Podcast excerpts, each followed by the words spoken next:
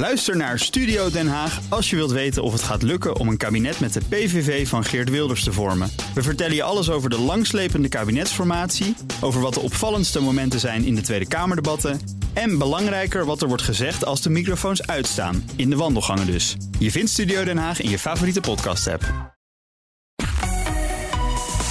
BNR Nieuwsradio. De AEX-factor. Wesley Weerts. Jelle Maasbach. Welkom, je luistert naar de AX Factor, de podcast voor de slimme belegger. Elke week een nieuwe gast die je bijpraat over de beurzen, beleggen en vermogen opbouwen. En in deze aflevering is dat Errol Keiner van de VEB, de Vereniging van eh, Effectenbezitters. Errol, goed dat je er bent. Deze aflevering staat helemaal in het teken van dit oer-Hollandse bedrijf. In 1891 gebeurde er in een kleine werkplaats in Eindhoven iets dat grote gevolgen zou hebben. Ingenieur Gerard Philips begon met de productie van de eerste gloeilamp, die de stamvader zou worden van een talrijk nageslacht. Ja, decennia geleden was Philips een mannetje van alles. Het maakte lampen, cd's, chips en SEO-apparaten, als je niet van koffie hield, tv's, huishoudelijke apparaten ja, en nog heel veel meer. Maar Errol, toen kwam de kritiek. Het was een te onoverzichtelijk conglomeraat geworden. Is dat terecht? Helemaal terecht. Helemaal terecht. En uh, misschien leuk om te weten, ik heb gestudeerd in Eindhoven. En zeker in die jaren was uh, ja, alles draaide om Philips. Ik had het idee dat een groot deel van hoogleraar ook nog nevenbetrekking had op bij Philips of vice versa. Oh, dat was belangenverstrengeling. Uh, nou, ik weet niet. Nee, maar het was, Philips werd vaak ge, gezien en gepresenteerd als een voorbeeld. Van zo moet je zaken doen, zo moet je een bedrijf opzetten, enzovoort, enzovoort. En ik kan me nog een keer herinneren, werd een van de zoveel cases werd gepresenteerd van hoe goed Philips het wel deed. En toen stelde ik de vraag: het is zonder meer een geweldig bedrijf. Maar ja, er bestaat ook zoiets als Sony. Die doen toch ook wel best wel leuke dingen. Is het niet een keertje tijd om ook dat soort cases te presenteren? En ik denk dat men niet heel vriendelijk naar mij keek. En ik denk de kritiek toen de tijd was... we waren eigenlijk veel te positief als Nederland over Hollands glorie... bedrijven zoals Philips. En we keken te weinig naar in welke mate dit soort bedrijven echt rendeerden in economische zin. Toen zat die kritische VEB-houding er al bij jou in, ja, en, en, toen had ik nauwelijks financiële kennis, maar mij irriteerde het gewoon dat iedereen alleen maar zat te juichen. Er allemaal achteraan uh, liep. Um, nou ja, daar hebben ze naar geluisterd. Hè. Uh, zoals nog uh, bij de voorganger van, van Houten, bij Kleisterlee, die besloot van het, het mag allemaal wat gefocuster. Er werden onderdelen verkocht. NXP, ASML als je nu kijkt, dan denk je, het is bijna zonde dat ze die hebben afgestoten, toch? Nee, dat is geweldig wat ze hebben gedaan. Kijk, met alle kritiek die je kunt hebben op Philips, het was een, uh, een bron van heel veel uh, initiatieven die echt geweldig waren. Alleen onder de, onder de, onder de uh, armen van, van Philips rendeerde het niet. Het groeide niet. Um, maar zodra het wegging van Philips, zag je van verdraaid. Het idee was geweldig, maar je moet die, die initiatief moet je de ruimte geven. En daardoor zie je dat ASML nu met afstand het belangrijkste bedrijf in Nederland is. Hoezo kon Philips die ruimte niet geven dan? Ja, de verstikkende bureaucratie. Dat waren managers die al heel lang op hun plaats zaten en dan geen nieuwe ideeën omarmden? De ideeën waren er. Nee, uh, Philips had heel veel ideeën. Er zaten ook heel veel techneuten. niet van niks dat de TU Eindhoven ook bestond, waar ik ook uh, gestudeerd heb. Dus daar alle lof, eer en glorie voor. Maar wat je vaak wel eens ziet, als je heel veel ingenieurs bij elkaar zet, met heel veel managementlagen, dat je misschien wel leuke ideeën hebt, leuke technische foefjes en dergelijke. Maar dat de wijze waarop het wordt vermarkt en de wijze waarop je daar rendement uit gaat halen in economische zin, dat dat achterbleef. Ja, dus de waarde die deze bedrijven ASML en NXP nu hebben, dat hadden ze niet gehad onder de vleugels van Philips. Uh, daar ben ik van overtuigd. Straks meer, maar we beginnen met een greep uit het belangrijkste beursnieuws van de afgelopen week. Want het was de week waarin het kabinet na jaren het roer omgooit. Het wil namelijk vaart maken met de privatisering van ABN AMRO. Het is ook wat het vorige kabinet ook al als intentie had. En in ja, toch wel de lange peri periode van regeren die ze hadden, er niet in geslaagd zijn om dat in daden om te zetten. En dat hopen we toch hier dat het wel lukt. En het waren twee fantastische weken. WeTransfer kondigde de beursgang aan, maar ziet er nu alweer vanaf. Ik vind het heel flauw om dan als de markt ietsjes naar beneden gaat... om dan uh, meteen te zeggen we doen het niet. Kan gebeuren. Ja, een Unilever zet de organisatie op zijn kop. Het bedrijf moet eenvoudiger worden. En daarom schapt het bedrijf wereldwijd 1500 banen. De directe aanleiding is, een, is dat ze vorige week een nieuwe strategie hebben aangekondigd. Dus ze gaan zich meer richten op persoonlijke verzorging en beauty en wat minder op voeding. En een onderdeel daarvan was ook dat ze de organisatie zouden gaan aanpassen. En dat hebben ze nu gedaan. De Fed verwacht in maart de rente te verhogen. In reactie daarop schoten de beurzen omlaag. Het gaat denk ik vooral om wat hij eigenlijk niet heeft gezegd. Aan de ene kant moet hij marktparticipanten vertrouwen geven dat ze de inflatie onder controle gaan krijgen. En aan de andere kant eh, had, ik, had ik gedacht dat Paul ook zou aangeven dat de rente niet zo agressief hoeft te worden verhoogd. En dat deed hij eigenlijk niet. Ondanks de chip- en onderdelencrisis blijft Tesla groeien als kool. De productie verdubbelde zelfs bijna. Normale autofabrikanten die hebben heel weinig inzicht in hun supply chain. En Tesla die onderhandelt direct met die semiconductorfabrikanten. Dus die heeft veel beter inzicht en ook een veel betere relatie natuurlijk... omdat zij in hoge volumes bestellen. En Apple kwam met klinkende cijfers. Het kwam met een recordomzet, 123,9 miljard dollar. De winst bijna 35 miljard. De kwartaalcijfers waren veel beter dan verwacht. Vijf jaar lang gebeurde er helemaal niks. Maar nu gaat de overheid toch aandelen ABN AMRO verkopen. Laat minister Kaag van Financiën weten aan de Kamer. De VEB eiste eerder nog duidelijkheid van het kabinet over het exit-scenario. Ja, Errol, beleggers die wisten niet wat de strategie was van uh, het kabinet. Jullie ook niet. Is er nu door deze stap van Kaag duidelijkheid gekomen wat jullie betreft?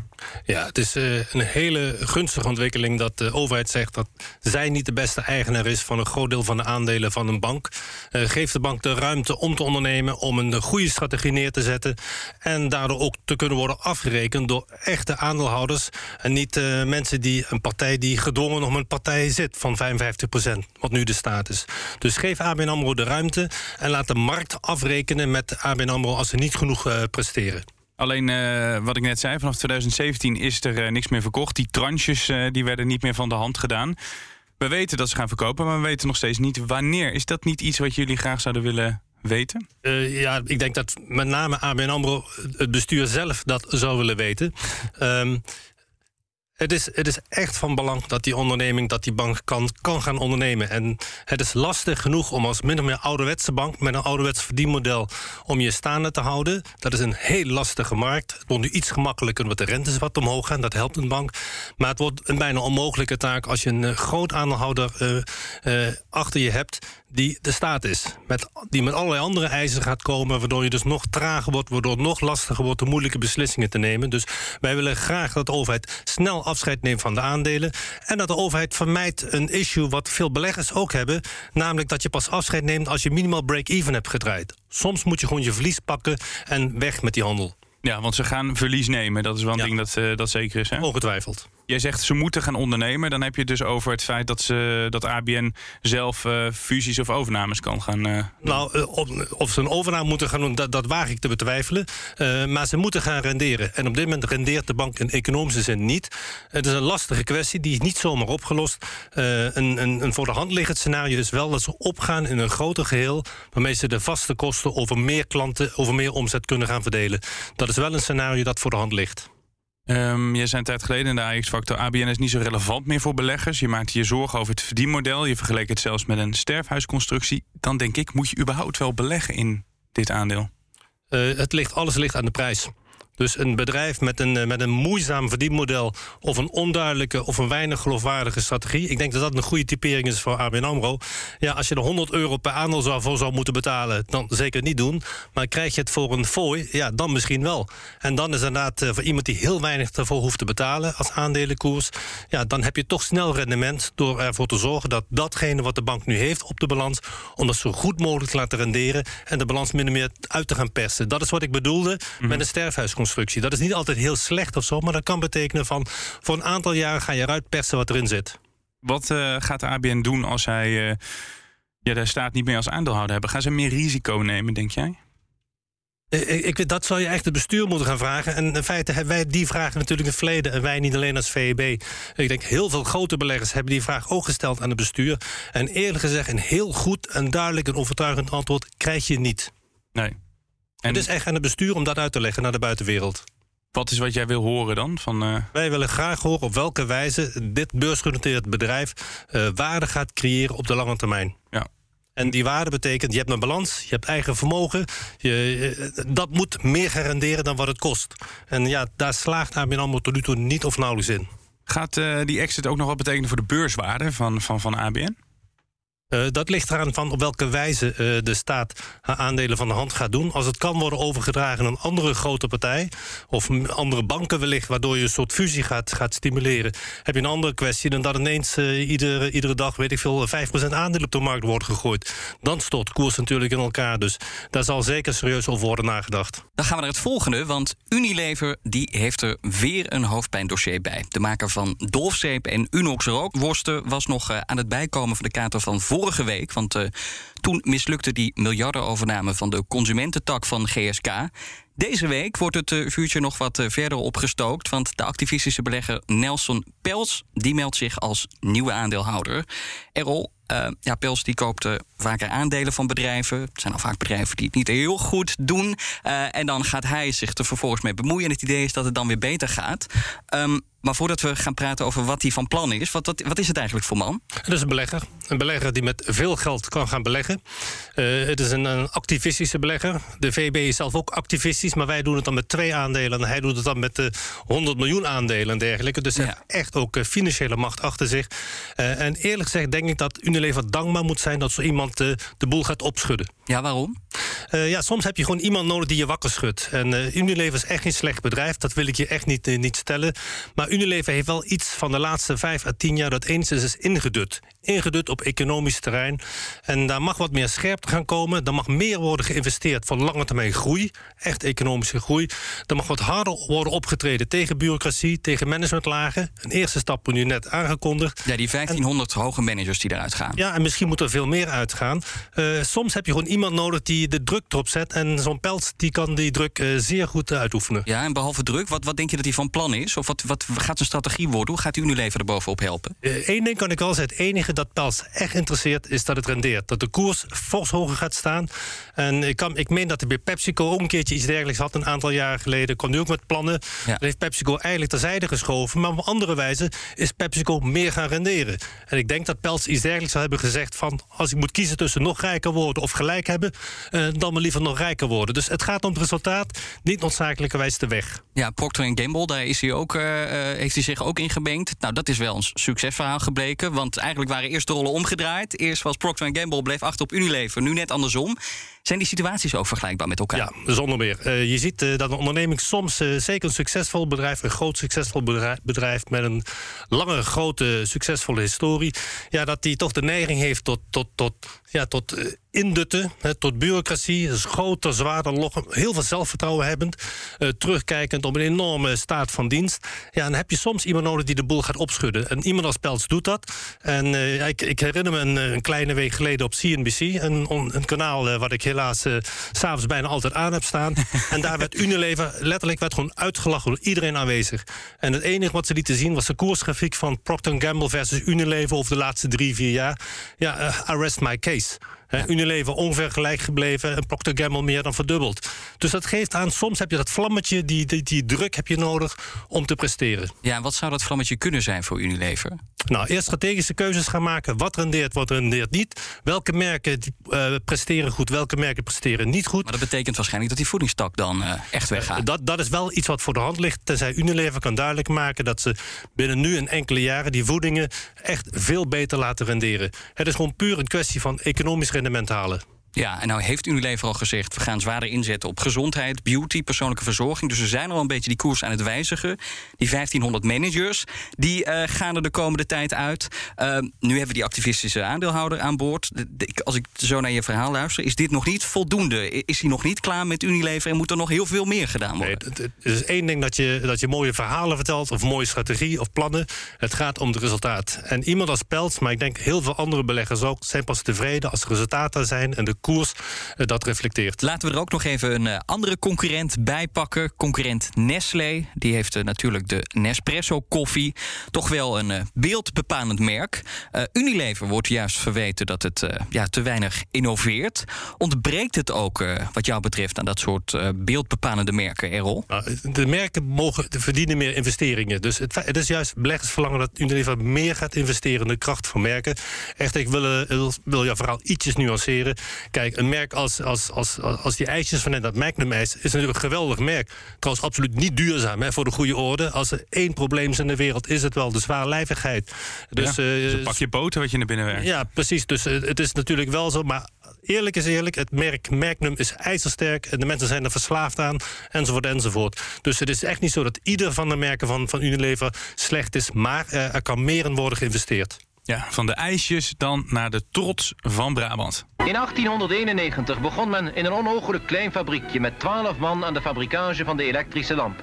60 jaar later werken over de hele wereld 80.000 man bij Philips en maken de bedrijven, behalve gloeilampen, alle mogelijke soorten elektrische apparaten. Ja, je merkt het, we zijn fan van het Polygoonjournaal. Dat was toen, maar Philips is compleet op de schop gegaan. De afgelopen tien jaar hield het een grote uitverkoop. De tv's, de lampen en de keukenspullen, die gingen eruit. Er hadden zijn gloeilampen en huishoudelijke apparaten in voor medische apparatuur. En tot voor kort werd topman Frans van Houten ook geprezen voor die megatransformatie. Maar inmiddels wankelt zijn positie. Philips zit in een diepe crisis en dat heeft alles te maken met die slaapapneu-ellende. De problemen met apneuapparaten van Philips duren maar voort. We gaan naar Philips, want dat kreeg al in 2015 sterke signalen dat het schuim in zijn slaapapneuapparaat dat dat niet voldoet, dat het gewoon kon loslaten. gewoon al serieuze incidenten vanaf 2015. Philips geeft vanochtend een officiële uh, winstwaarschuwing af. We gaan al die uh, machines gaan ze herstellen. Dat zijn 5,2 miljoen apparaten wereldwijd. Dat is natuurlijk echt gigantisch.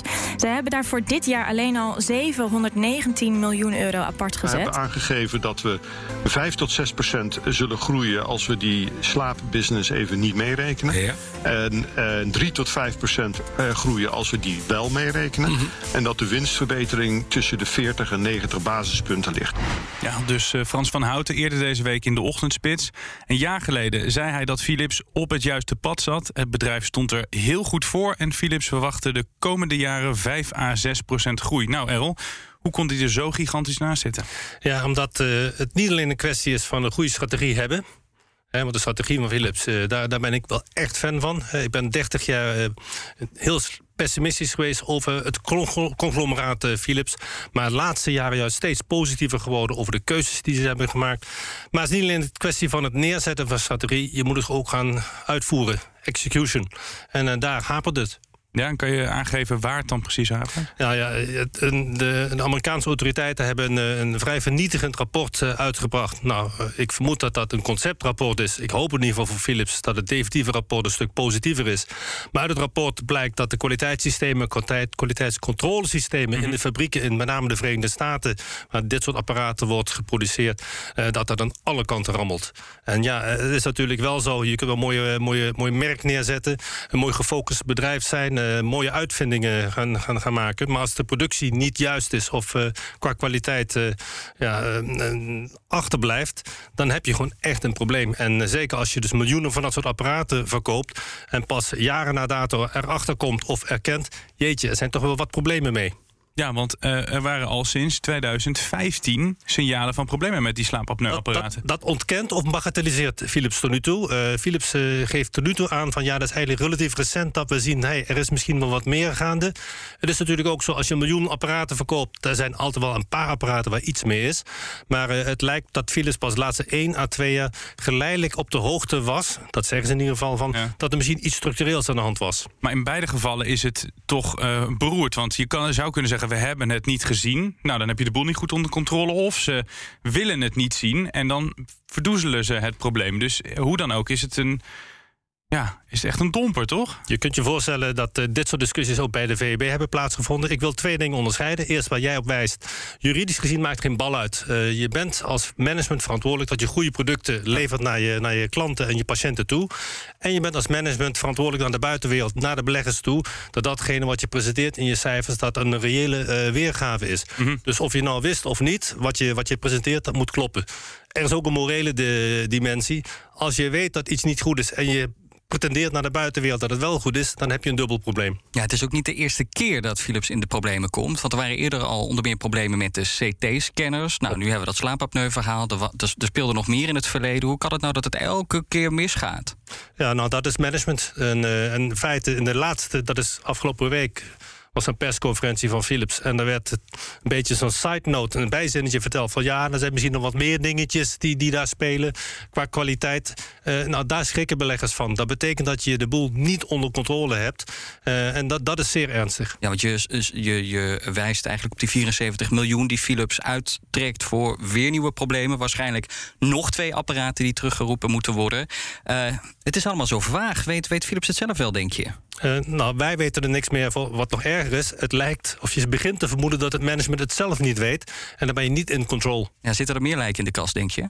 Dat is aan het bestuur om te beantwoorden. Maar gezien de laatste informatie uh, ben ik in ieder geval niet optimistisch. Ik denk wel dat de druk nu zo groot is op Philips dat een hele goede strategie heeft in een hele kansrijke markt. Dat wil ik nog even, even zeggen. Mm -hmm. Maar de druk is nu wel heel groot om uh, de zaken uh, op orde te gaan brengen. En als dit bestuur het niet kan met de managementlagen eronder, dan maar een ander bestuur. Wat, wat ik me ook elke keer afvraag, uh, want we komen zo meteen te spreken over, over dit bestuur. Het gebeurt elke keer in Amerika. En jij hebt wel eens gezegd, als je met één toezichthouder geen ruzie wil hebben, dan is het de FDA of een andere willekeurige Amerikaanse toezichthouder.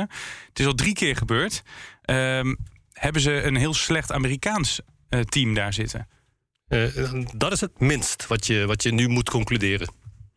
En uh, wat je dan ook moet concluderen is dat, dat is nog het beste, beste scenario, dat de communicatie tussen dat, zoals wij aannemen nu, het slechte of niet competente Amerikaanse management, de communicatie van dat management naar topbesturen in, in Nederland, dat dat ook te wensen overlaat. Ja. hoe dan ook, de eindverantwoordelijkheid is bij het bestuur. Ja. En die moeten dan hun uh, conclusies uh, nemen. Zou je kunnen zeggen dat Philips elke keer wel de problemen echt onderschat? in, in dit geval, gezien dat, dat dit toch al een aantal jaren speelt... en een aantal keren ook aan de orde is gekomen... dat het telkens werd gebagatelliseerd, ook op aandeelhoudersvergaderingen... ook in interviews met, met, met journalisten... Ja, dan zou je inderdaad zeggen van... ze onderschatten het probleem enorm, of ze hebben het enorm onderschat. Uh, en dat is de meest positieve uitleg. Een slechte uitleg zou nog zijn, nog veel erger... van ze weten dat er echt iets gaande is... maar ze proberen de boel positief naar buiten te schilderen... terwijl ze beter weten. Dat zou echt schandalig zijn. Maar, maar daar ga ik niet van uit. Nou ja, we hadden het net ook over die 74 miljoen euro. Er is opnieuw grote onduidelijkheid uh, waar het over gaat... Uh, hoe groot de problemen zijn. Philips is opnieuw niet transparant, ook deze keer weer niet. Dit zijn de signalen van een bestuur dat niet in controle is. Dat, dat, dat, de, dat de situatie niet in grip heeft. Uh, Iedere organisatie, ieder bedrijf heeft wel eens problemen. En je herkent een professioneel bedrijf als die problemen zodra ze worden gezien ook stap voor stap worden opgelost. En niet dat het na jaren blijkt dat de issues nog steeds groter aan het worden zijn. En dat men nog steeds niet lijkt te weten wat er nog meer allemaal gaande is en wat de oorzaken zijn. Dus uh, dit zijn de signalen van een bestuur, een organisatie, een bedrijf dat niet in controle is. De AEX-factor. Wesley Weerts. Jelle Maasbach. Bij ons nog altijd, Errol Keijner van de VEB. Ja, Errol, um, topman Frans van Houten is verantwoordelijk voor de chaos. Hij is ook verantwoordelijk hè, als CEO voor het presteren van Philips. Kan hij nog uh, aanblijven? Uh, hij kan aanblijven als hij op zeer korte termijn niet alleen duidelijkheid schept naar de buitenwereld, zonder weer nieuwe uh, verrassingen, maar ook dat het probleem echt is opgelost. Uh, als dit issue voort blijft sudderen en over maand weer een nieuwe, nieuw nieuws naar buiten gaat komen met weer een tegenvaller, ja, op een gegeven moment is het klaar dan zijn beleggers heel blij met de strategie die hij heeft neergezet. Maar dan zijn ze niet blij op de wijze waarop die strategie is geïmplementeerd. En dan is het misschien tijd voor een andere topmanager die de boel op orde gaat brengen. Je kan zeggen, uh, hij heeft al heel veel kansen gehad. Hij heeft. Uh ja, blunder op blunder gehad. Elke keer uh, op de vingers getikt door de toezichthouder. Hij moest drie keer op rij die, die pot voor de terugroepactie verhogen. Je kan ook zeggen, hij heeft zijn kruid verschoten, zijn krediet is op. Hij moet nu weg. Uh, ik, ik, moet zeggen, ik ben nog niet helemaal zover. Hij heeft ook heel veel krediet opgebouwd met zijn team. Uh, Philips heeft een heel lang geschiedenis met heel veel uh, zaken die niet zo goed zijn gelopen. dus de strategie is goed neergezet. Het is een geloofwaardige strategie. Het is niet ieder jaar een drama geweest. We zien nu in een heel korte tijd enorme beurswaarde verdwijnen. Denk aan 10, 20 miljard dat zomaar is, is, is, is verdampt. En terecht is verdampt. Beleggers aan onzekerheid, onduidelijkheid naar klanten, patiënten toe ook nog. Laten we dat niet, niet vergeten. Ja. Dus de, de krediet heeft heeft hij heel veel verdiend. Dat is inmiddels wel op nul. Dus nu moet er niet heel veel meer bij komen, want dan is het echt te laat. Hij moet ook geloofwaardig blijven naar de buitenwereld, naar zijn eigen medewerkers, naar de leveranciers, naar de patiënten, maar zeker ook naar de beleggingswereld toe. En reken maar dat daar veel frustratie zit. Dus als er nog een tegenvaller komt, of als er nog een lijk uit de kast komt waar Wesley het net over had, dan moet Frans van Houten opstappen. Ik denk dat dan de, de commissarissen zullen zeggen: het is tijd voor iemand anders. En dan is het ook wat jullie betreft tijd voor iemand anders? Ja, op dat moment wel.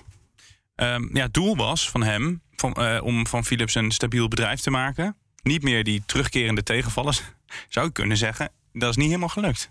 Nee, nogmaals, het is een kwestie van slechte uitvoering. En je kunt gewoon pech hebben. En uh, dit keer ligt het pech echt in de Verenigde Staten.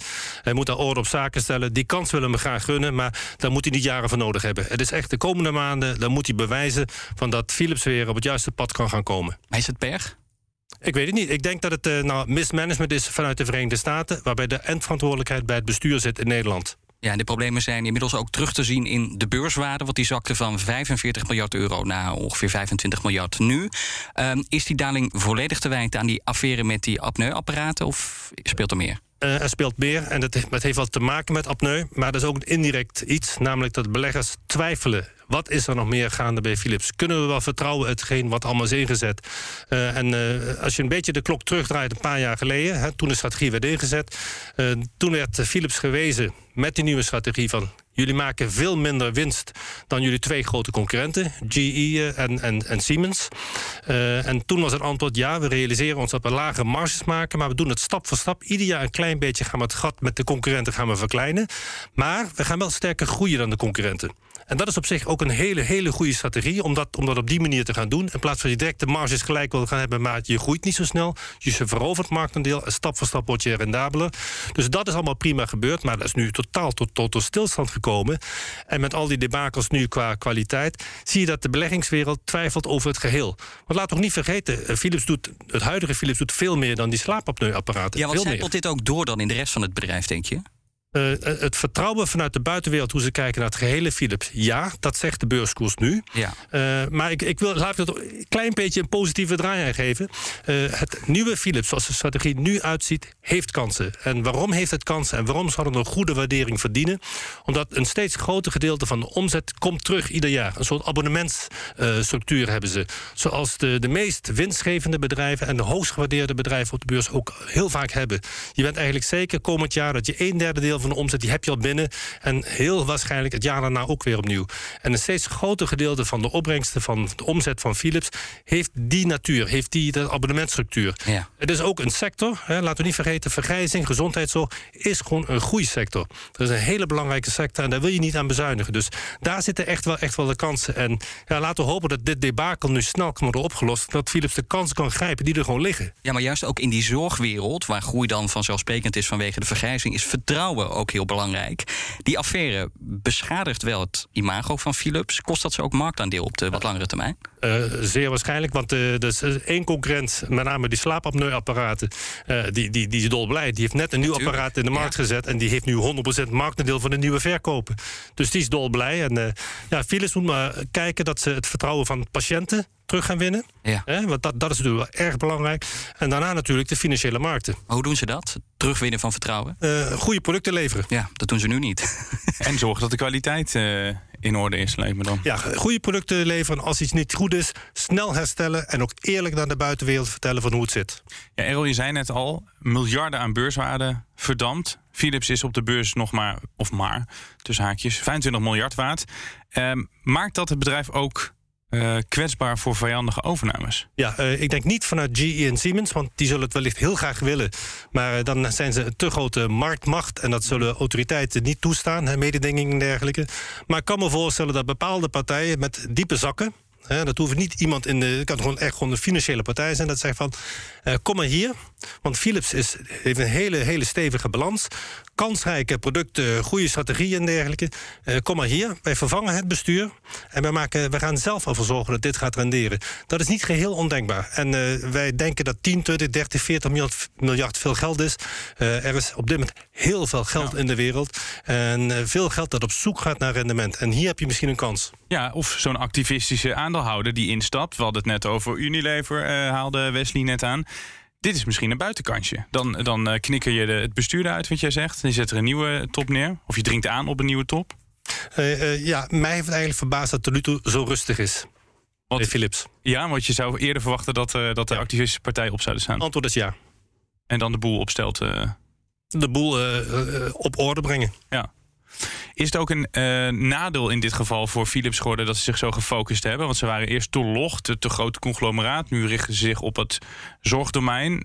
Eh, nu gaat het slecht, de beurswaarde is gedaald. Misschien dat ze dat het de keerzijde van de strategie is. Ja, ik, ik ben het niet eens met die, met die redenering. Als je heel veel eh, spullen bij elkaar hebt, wat een beetje ondoorzichtig is, dan valt er niets op als je ergens een puin op hebt. Nee, het is juist heel goed deze strategie. De markt is groot zat met groeipotentieel, maar je moet het wel goed doen. Ja, en nu klink ik echt als een fossiel, maar eh, ik ben het ook wel eens dat je uh, meer overleeft door je te focussen. Maar je zou ook zeggen, daarvoor konden ze tegenvallers met een andere divisie konden ze opvangen. Dus, uh, ja, klopt, maar het is de CD compenseerde voor de video. Het is, maar het is niet zo dat ze door financiële problemen nu om zouden gaan vallen. Daar is geen sprake van. Dus financieel ziet het er allemaal erg solide uit.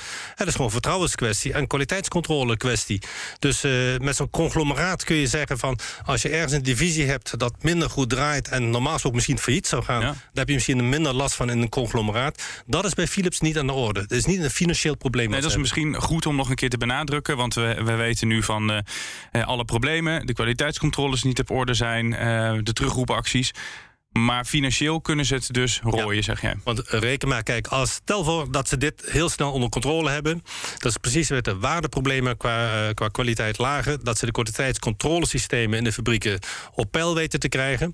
Dan nog moeten ze de, de, de legacy issues, hè, de, de uh, problemen uit het verleden met patiënten oplossen. Dat kost wat geld. Mm -hmm. Maar ook de problemen met beleggers. Veel beleggers zijn heel veel geld kwijtgeraakt. En reken maar dat beleggers op een gegeven moment aan de deur gaan kloppen en zeggen... en nu wij nog. En ook dat zal niet iets zijn wat je met een paar miljoen euro gaat, gaat oplossen. Uh, dat gezegd hebbende, uh, Philips is stevig gefinancierd. Heeft een sterke balans. Als ze de boel op controle, he, onder controle hebben, genereren ze mooie cash. Dus het is op zich een gezond bedrijf. Dus uh, ook dat lijkt, lijkt iets wat Philips moet kunnen oplossen. Ja, als een als ze niet snel uh, orde op zaken stellen, dan komt die activistische partij waar het net over had aan boord? Nou, die activistische partij heeft meer te maken waar ik naar refereerde van. Uh, ik herstructureer het wel zelf. En uh, ja, hoe langer uh, Philips uh, het uitstelt om de boel onder controle te krijgen, hoe meer de druk gaat zijn op de aandelenkoers, hoe meer de kansen er liggen om het inderdaad op te laten lossen door een derde. Die apneuapparaten, dat is één probleem waar Philips mee te maken heeft. En dat heeft nog een hele lange nasleep waarschijnlijk ander probleem, dat kwam ook terug in de cijfers waar Philips mee kwam, dat waren de chiptekorten en de problemen in het vrachtvervoer. Als je dat even vergelijkt met de problemen met die slaapapneuapparaten, hoe verhoudt het een zich ten opzichte van het ander? Uh, Groot is dit probleem? Het een met het ander. Uh, Philips zegt dus onvergelijk. De ene, uh, Philips zegt ja, we missen 5% groei. 2% komt door slaapapneu. 3% door de supply chain issues, zoals ze zo mooi zeggen. Um, ik durf te stellen dat de, de markt Philips lager waardeert door echte vertrouwenscrisis. de, de, de, de, toevoerskanalen, die issues, die spelen bij heel veel bedrijven, heel veel industrieën. En beleggers hebben daar echt wel begrip voor. En dat is ook niet iets wat nog vele jaren gaat duren naar alle verwachting. Maar de vertrouwenscrisis van het ontdekken van issues in je organisatie, het adresseren van die issues en het eerlijk naar buiten brengen van die issues en ook zelf weten hoe groot de problemen zijn, daar zit het probleem van Philips. Ja, dus je zegt die chiptekorten, dat is nu echt voor de korte termijn, daar maak ik me niet zo zorgen om als uh, Juist. Ja, nou uh, is het wel zo dat Philips aan het begin van de pandemie... toen hadden ze, ja, dus een toptijd... en het kwam door die grote vraag naar beademingsapparatuur. Inmiddels loopt die pandemie ja, hopelijk een beetje op zijn einde. Uh, waar zit voor Philips de komende tijd de groei? Want dat zit waarschijnlijk dan niet bij die beademingsapparaten. Nee, maar dat gaat veel verder. Wat Philips, uh, Philips kan echt, een onderneming als Philips kan echt helpen... om de kosten van gezondheidszorg beheersbaar te houden wereldwijd. Dat wil zeggen, waar je vroeger altijd als je iets had... direct naar een ziekenhuis zou moeten gaan... In veel landen gaat het niet zoals in Nederland, dat je via een huisarts alles gaat. Direct naar het ziekenhuis gaat, waar je enorme kosten hebt. En als je eenmaal ziekenhuis bent geweest, dat je iedere keer terug moet gaan komen. Uh, zorgt een organisatie, een bedrijf als Philips ervoor dat je, dat je patiënt op afstand kunt monitoren. In de gaten kunt blijven houden. En dat is natuurlijk uh, beter voor de patiënt. En het kost veel minder geld. En dat betekent dat, uh, en daar heb je ook die abonnementenstructuren daarvoor. Hè, dat Philips kan rekenen erop. Dan luister die patiënten, een soort abonnement wat je daarmee hebt. Die hebben continu in de gaten. Als blijkt dat, uh, dat de bloeddruk wat hoger gaat, gaat er een alarmsignaaltje uit. Nou weet ik veel, de arts die zich daarmee bezighoudt, enzovoort, enzovoort. Dus een bedrijf als Philips kan ervoor zorgen met de nieuwe technieken, met digitalisering en dergelijke, dat, uh, dat de gezondheidszorg een stuk niet alleen beter gaat worden, maar ook betaalbaar gaat blijven. Nou heeft Philips natuurlijk ook concurrenten. Die willen ook nieuwe klanten binnenhengelen. Heeft Philips zichzelf niet met dit debakel op 3-0 achterstand gezet? Nou, ik, ik durf niet te, te stellen dat Philips beter is dan Siemens of GE. Het zijn alle drie eh, bedrijven die wel weten waar ze mee bezig zijn. Eh, ja, ze moeten gewoon net wat beter doen dan, dan de concurrentie zoals het normaal gaat. Ja, ik, ik vraag het omdat we het net hadden over vertrouwen. En zo'n opdracht moet je natuurlijk wel gegund worden. Dat is juist. Eh, ja, tenzij je iets hebt waarin je heel veel beter bent. Maar als je dat niet hebt, dan moet je ook een beetje dus wel... eh, dus die vertrouwen en het goede imago hebben. Ja, eh, F- Philips zal zeker. Ze hebben natuurlijk een heel groot breed scala aan producten en diensten in, in deze gezondheidssector. En er zullen zeker niches zijn waar zij met afstand de beste zijn. Maar een groot deel zal min of meer vergelijkbaar zijn met de concurrentie. Ja, je had het net al over, laten we ook eh, positief zijn. Wat zijn de, de, de lichtpuntjes die jij voor Philips de komende tijd eh, ziet? Ja, het, het belangrijkste is gewoon te zitten gewoon in een markt met kansen. Hoeveel bedrijven zijn goed gemanaged en efficiënt en dergelijke, maar zitten in een kansloze markt? Hier is het net andersom. Hier is het eigenlijk, eh nou, al dan niet tijdelijk, andersom. De markt is geweldig, enorme kansen, mooie strategie. Maar het gaat om de uitvoering. Ja. Ik kijk even, je hebt hem niet meegenomen, je glazen bol. Maar, ehm, oh, ik heb hem hier. Als we, als, we, als we naar de komende tijd kijken, blijft Philips beursgenoteerd? Of acht jij de kans heel groot dat ze toch van de beurs worden gehaald door iemand die denkt het beter te kunnen? Eh, ik acht de kans groot dat als dit issue nog maanden gaat voortduren... dat de partijen aan de deur gaan kloppen. Tegelijkertijd acht ik de kans klein dat Philips van de beurs zal gaan... omdat eh, ze alles in het werk zal zetten om eh, toch onafhankelijk te blijven. En ik denk dat ze daarbij heel veel steun gaan vinden in Nederland. Is dat, bij dan de politiek. Ook, is dat dan ook het moment waar je als belegger naar uitkijkt? Het moment dat er iemand instapt van buitenaf? Nou, alles wat ervoor zorgt dat, dat het Philips management in beweging komt... en de boel oplost, dat juich ik toe. Ja, want net zei je inderdaad bij Unilever vond ik ook wel een aparte... Godsgeschenk. Een godsgeschenk dat iemand de boel opschudt. Dat zou bij eh, Philips dus ook goed zijn? Eh, als dit de komende maanden niet goed wordt geadresseerd, is het antwoord ja. Dan is het goed dat, eh, dat er een, een belegger opstaat die, die voor verandering zorgt. Ja. Helder. Eh, dank, Errol Keijner van de Vereniging van Effectenbezitters. We zijn volgende week weer terug. Vergeet je niet te abonneren op de AX-factor in de BNR-app... of je favoriete podcast-app. En luister ook onze eerdere afleveringen. Bijvoorbeeld die over beleggen in China en Europa. En dan hoor je ook weer gezellig Wesley Weerts voorbij komen. Bedankt voor het luisteren. Ook Thomas van Zeil vind je in de BNR-app. Je kunt live naar mij luisteren in Zaken doen, de BNR-app met breaking news, het laatste zakelijke nieuws en je vindt er alle BNR-podcasts, bijvoorbeeld Het Nieuwe Geld. Download nu de gratis BNR-app en blijf scherp.